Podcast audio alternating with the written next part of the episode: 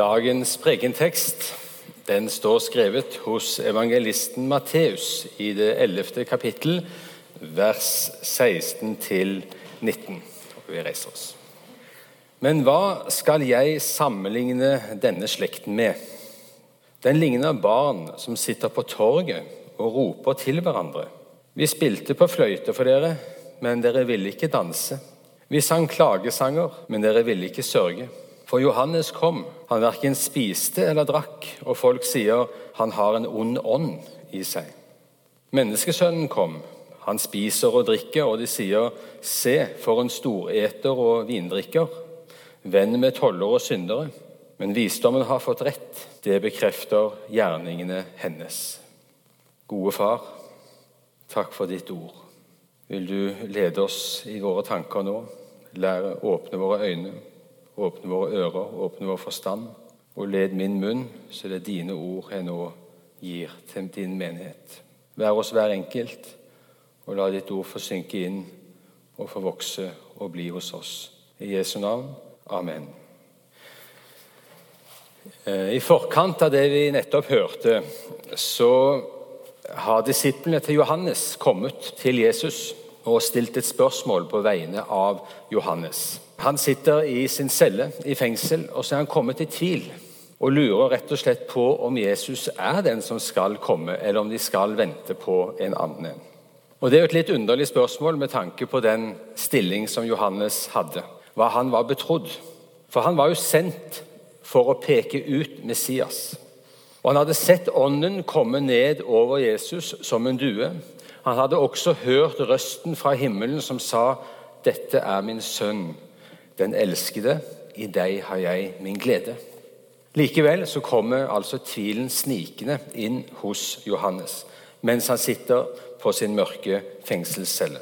Men Johannes han gjør det rette, for han går rett til Jesus og spør om han er den de skal vente på. Og Da får han til et svar. Jesus sender Johannes sine disipler tilbake og ber dem fortelle hva de ser. Fortell det hva dere ser og hører. Blinde ser, lamme går, spedalske renses, døve hører, døde står opp, og evangeliet forkynnes for fattige. Og Det var egentlig et nokså ordrett sitat av profeten Jesaja. Og Da visste Johannes i sitt hjerte nå er tiden her nå skjer oppfyllelsen av det profetene har talt om, og så hører vi ikke mer fra Johannes. Deretter så forteller Jesus om Johannes. Og Han var sannelig ingen hvem som helst. Jesus sier at han var mer enn en profet. Og hva mener han med det? Jo, fordi det står om Johannes i Skriftene. Han er den eneste som det er profetert om utenom Messias. Både profeten Jesaja og Malaki skriver om Johannes, profeterer om ham. Han skulle forberede folk i Israel på at Guds rike var nær. Han skulle rydde vei for Jesus. Han skulle peke ut Jesus. Og det gjorde han jo den dagen Jesus kom. Se, der er Guds lam. Så kaller Jesus også Johannes for Elia. Og det han, gjør han ikke uten grunn. For profeten hadde sagt nemlig at 'jeg sender profeten Elia til dere før Herrens dag kommer'. Og Da tenkte nok folket at det var Elia som skulle komme tilbake, han som hadde blitt tatt opp i ildvognen. Men her sier Jesus at nei, Elia er den som skulle komme, sier han. Og den som har ører å høre med, hør. Jesus kaller Johannes for Elia. Og Det er for å understreke den kraft som Johannes sto frem med og forkynte. Elia forkynte med en voldsom kraft, og han sto i en enorm kamp mot datidens falske profeter. Han ble forfulgt. Han ble forsøkt drept. Han ble avvist. Kampen er så tøff for Elia at han på ett tidspunkt bare ønsker å dø. Men Gud passer på han og bruker han som sin røst til folket i Israel for å få dem til å vende om fra deres ondskap. Men de hører ikke. Elia er bare et eksempel og et bilde på den motstand Guds profeter møter i Israel. De ble avvist, de ble forfulgt. De ble drept. Og det er refrenget som går igjen. Og Stefanus, den første martyr i kirken, hans sine ord er ganske treffende. For han sier like før han ble drept, vi leser om det i apostelgjerningene 7, stivnakket er dere, uomskåret både på hjerter og ører. Alltid står dere Den hellige ånd imot, som deres fedre, så også dere. Har det noen gang vært en profet som fedrene deres ikke forfulgte? Og etter de ordene så steinet de Stefanus. Dette var en kort bakgrunnshistorie for å forstå det som Jesus sier i dag. For han beskriver folket i Israel, denne slekt, som han kaller det, med et bilde av noen barn som spiller på fløyte, men ingen vil danse. Barn som synger sørgesanger, men ingen vil sørge. At de spilte for dem, er jo et uttrykk for den glede og nåde Gud har kommet til dette folk med ved sine profeter. Men de har ikke brydd seg. Han sendte dem også til å få dem til å vende om og sørge, men de hørte ikke. De bryr seg ikke. Deres hjerter er forherdet, de vil ikke høre om omvende seg. Og Fram til Johannes har Gud sendt sine tjenere for å vekke opp sitt folk. Og Nå har til og med døperen Johannes vært der. Han sto også der og forkynte. Men historien gjentar seg. Han beskyldte dem for å være besatt, gal. Så sier Jesus nå er menneskesønnen her, deres Messias. Men han beskylder dem bare for å feste og, og henge med toller og syndere. Et annet sted hører vi også at de beskylder Jesus for å være besatt. Tjener for Beelzebul.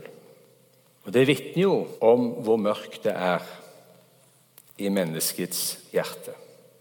Man klarer ikke å skjelne lys fra mørke, ondt fra godt, sannhet fra løgn.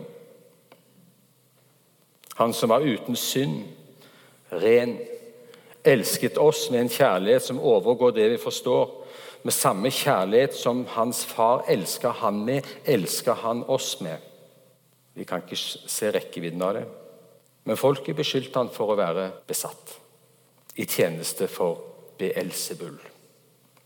Jesus avsluttet sin tekst med å si at visdommen har fått rett. Det bekrefter gjerningene hennes. Visdommen har fått rett. Noen underlige ord. Hva eller hvem er visdommen?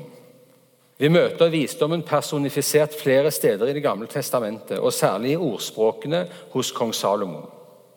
I ordspråkene 1,8 så står det at visdommen roper, forstanden løfter sin røst. Det er en person.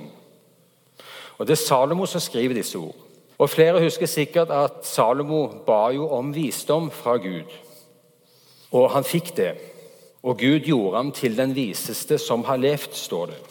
Gud ga Salomo visdom, særdeles stor innsikt og en forstand som favnet hvitt som sanden på havet, står det i første kongebok 4. Men den visdom som Salomo deler, det er jo ikke noe annet enn Guds visdom. Det er av sin egen visdom Gud gir til Salomo. Og når Salomo taler, så taler han drevet av Den hellige ånd. Og Gud, Guds visdom, kjenner mennesket, vet hvordan mennesket er, og hva det vil gjøre. Visdommen vet hva som vil skje i fremtiden. For Gud vet hva som kommer til å skje. Når Jesus sier at visdommen har fått rett, så betyr det at det Jesus her sier om israelsfolket og deres forherdelse mot Gud, det har Gud talt om at kom til å skje. Og det har skjedd. Visdommen fikk rett. Salmo, ordspråkene 1, I ordspråkene 1,20 står det Visdommen roper høyt på gaten. Vend dere hit når jeg taler til rette. Jeg ropte, men dere ville ikke høre. Strakte ut hånden, men ingen lyttet. Det er dette Jesus viser til. Ingen ville høre. Ingen ville lytte. Det er et vemod over ordene til Jesus. Bildet han bruker, er ganske trist. Barn som søker kontakt, oppmerksomhet. Og Vi kan se for oss barn som legger ned flid og arbeid i noe de vil vise de voksne, de kommer stolte og fulle av entusiasme til de voksne, men så løfter de voksne bare på skuldrene. Bryr seg ikke, har ikke tid. Gå et annet sted. Jesus sier, 'Hvor ofte ville jeg ikke samle barna Jerusalem, Jerusalem?' 'Hvor ofte ville jeg ikke samle barna dine som en høne samler kyllingene under vingene?' Men dere ville ikke. Dere ville ikke. Det står ikke at de ikke forsto. Nei, de ville ikke. Det er en grunnleggende mistillit og mistenksomhet mot Gud fra mennesket. Vi ser det allerede på syndefallets dag. Adam og Eva som gjemmer seg for Gud når de har syndet. Og Gud finner dem og spør hva, hva har dere gjort. Og Da sier Adam, 'Kvinnen du ga meg å være sammen med, ga meg av treet.' Umiddelbart ser vi at det er ingen erkjennelse eller anger hos Adam, men han retter mistilliten tilbake mot Gud. 'Kvinnen du ga meg.' Lokket. I 5. Mosebok så holder Moses en avskjedstale. Og Så minner han folket på deres trass den gangen de skulle dra inn i, de, i noen landområder som Gud skulle føre dem. Så har de sendt speidere inn for å undersøke, og de kommer tilbake og sier at her er det fint, men det er stor motstand. Store, mektige krigere. Så folket vil ikke. De trekker seg. Og så sier de til Gud fordi Herren hater oss, har han ført oss ut av Egypt og vil overgi oss i amorittenes hender og utrydde oss. De beskylder og ilegger Gud onde hensikter.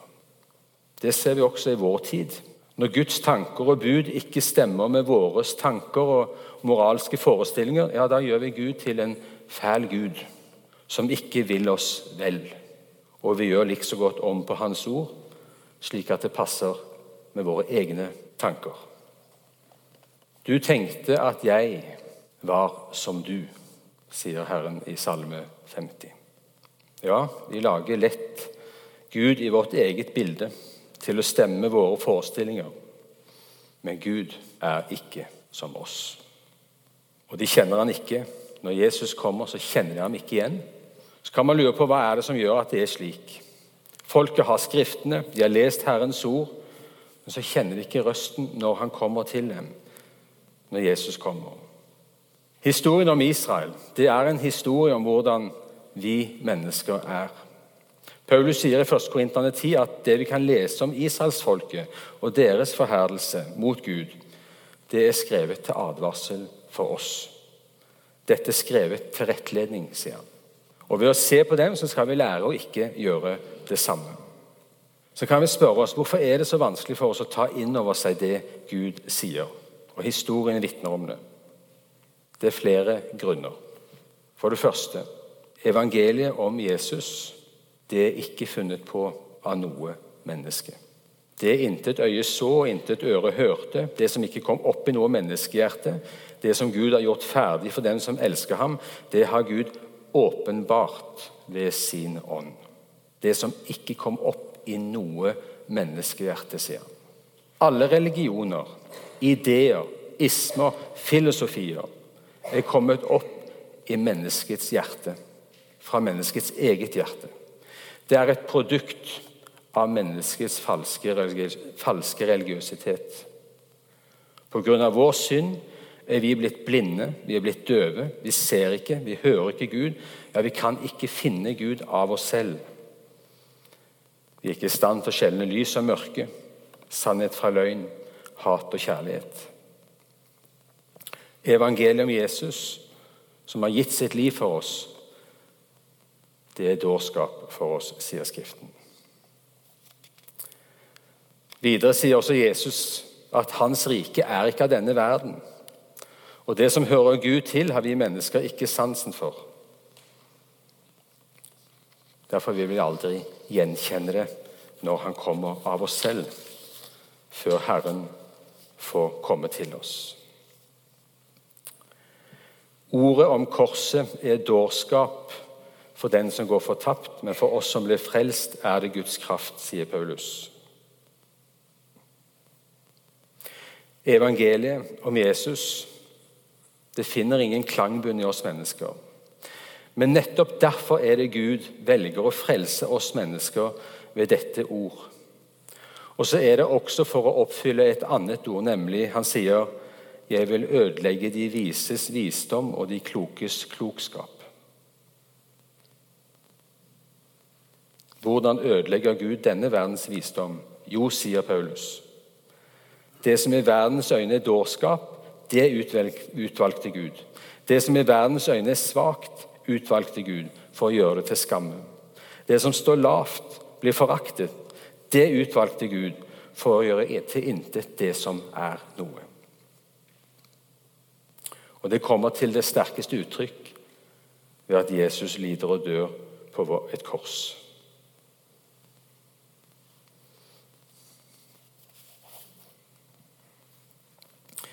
Gud valgte å frelse oss mennesker ved sin elskede sønn. Gud sendte Jesus, som ga avkall på sin herlighet. Han ble en tjener for oss. Herlighetens herre bøyer seg ned til oss. Han kom og oppfylte Guds lov, all rettferdighet for vår skyld. Og fordi han var uten synd og uten svik i sitt hjerte, så kunne han gi sitt liv som en soning for våre synder. Han sonte straffen for enhver av oss da han ble naglet til korset. Det så miserabelt ut. Han var så ille tilrett at folk snudde seg bort og kunne ikke se på ham. Men i sin fornedrelse og lidelse er det han vinner full seier over synden og djevelen. Når han henger på korset, da er det han kler maktene og myndighetene nakne og stiller dem fram til spott og spe og viser seg som seierherre over dem på korset, sier Paulus.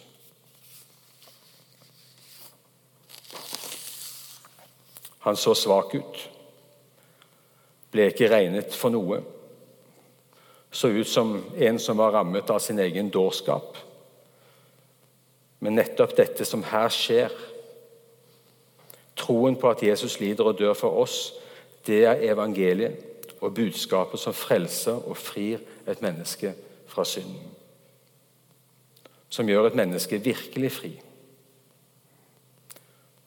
Og fordi Jesus gjorde dette, så har hans far gitt han navnet over alle navn. Og hvert kne i himmelen og på jorden skal en dag bøye seg og bekjenne Jesus Kristus er Herre, til Gud Faders ære.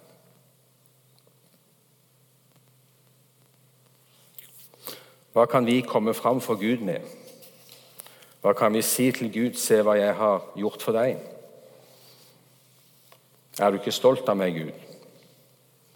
Det var vel hovedutfordringen for jødene den gang. De visste de trengte nåde og hjelp av Gud, men de ville også ha noe ære selv. Men det kan vi aldri få. Vi har ikke noe å gi til Gud. Hva har vi som vi kan gi ham? Det er jo han som har skapt oss og gitt oss alt. Vi har fått alt av ham. Hva har du som du ikke har fått av Gud, og hvorfor skryter du som om du ikke har fått det, sier Paulus. Av nåde er dere frelst ved tro. Det er ikke deres eget verk, det er en Guds gave. Det hviler ikke på gjerninger for at ingen skal skryte av seg selv, sier Paulus. Dette budskapet var det som var så tungt for Israel å ta imot. Og Situasjonen på Jesu tid den var alvorlig. De har Guds sønn hos seg, men de, han taler og gjør mektige tegn og under. Men de ville ikke ta imot, og i stedet så korsfesta de sin egen Gud. Men det underfulle oppi alt dette er at det som skjer, er en del av Guds frelsesplan. Paulus forklarer i Romerne 11 at deres fall, at de ikke tok imot evangeliet, gjorde at frelsen kom til de andre folkene, til oss. Gud har visst hele tiden hva som kom til å skje. Han kjente sitt folks hjerte, og han brukte det slik at det ble til velsignelse for oss. Selv om Guds folk har forherda seg og forkastet sin Gud, så har ikke Gud forkastet sitt folk. Og Det er for det første Paulus et vitnesbyrd om. Han var jøde, han kom til tro. Det er ingen løfter som Gud ga sitt folk som er forkastet og trukket tilbake. De er hans øyensten, de har barnekåret, og fra dem så kommer også Jesus Messias. De har loven, pakten og landløftet. Ja, ingenting er annullert og trukket tilbake. Selv om de var troløse, så har Gud vært trofast mot sitt folk. For han kan ikke fornekte seg selv. Til og med landløftet står ved lag. Og så har vi vært vitne til i moderne tid at Guds løfte om at han på ny skulle samle sitt folk fra alle verdens hjørner, det er gått i oppfyllelse. På underfullt vis har Gud gitt dem landet tilbake etter at det har vært spredt over hele jorden i flere tusen år. De vant det ikke med krig, ikke med erobring, men etter en trengselstid som vi ikke har sett maken til i historien. Ved å lide og ydmykes på det verste fikk de landet tilbake. Og mon om det ikke ligger noe profetisk over det som skjedde der. Israel er et forbilde på det som skal skje med de troende. Før vi kan komme inn i det lovede landet i himmelen, vil også vi måtte gå gjennom en trengselstid, sier Jesus. Og I dag strømmer det jøder fra alle verdens hjørner, slik Gud sa. I Jesaja 11 så kan vi lese om en stubb som er kappet ned. Israel ligger nede, men så skyter det opp en kvist. Landet ser ut som det er ferdig for alltid, men nytt liv skal skyte opp. Og Gud skal samle sitt folk igjen en gang i fremtiden, står det. Gud er ikke ferdig med sitt folk, og ut ifra hva Paulus sier i Roman 11, så skal det skje ting med dette folk i den siste tid. Han sier at en del av Israel er blitt forherdet inntil hedningen er kommet inn i fullt tall. Pga. evangeliet er de blitt fiender av Gud for at vi skulle få frelsen, men de er fortsatt elsket av Gud. Gud angrer ikke sine nådegaver til sitt folk, sier Paulus. Og så står det fra Sion skal redningsmannen komme, og han skal ta bort gudløsheten fra Jakob. Hvordan dette vil skje, er i Guds råd, men Gud er ikke ferdig med sitt folk.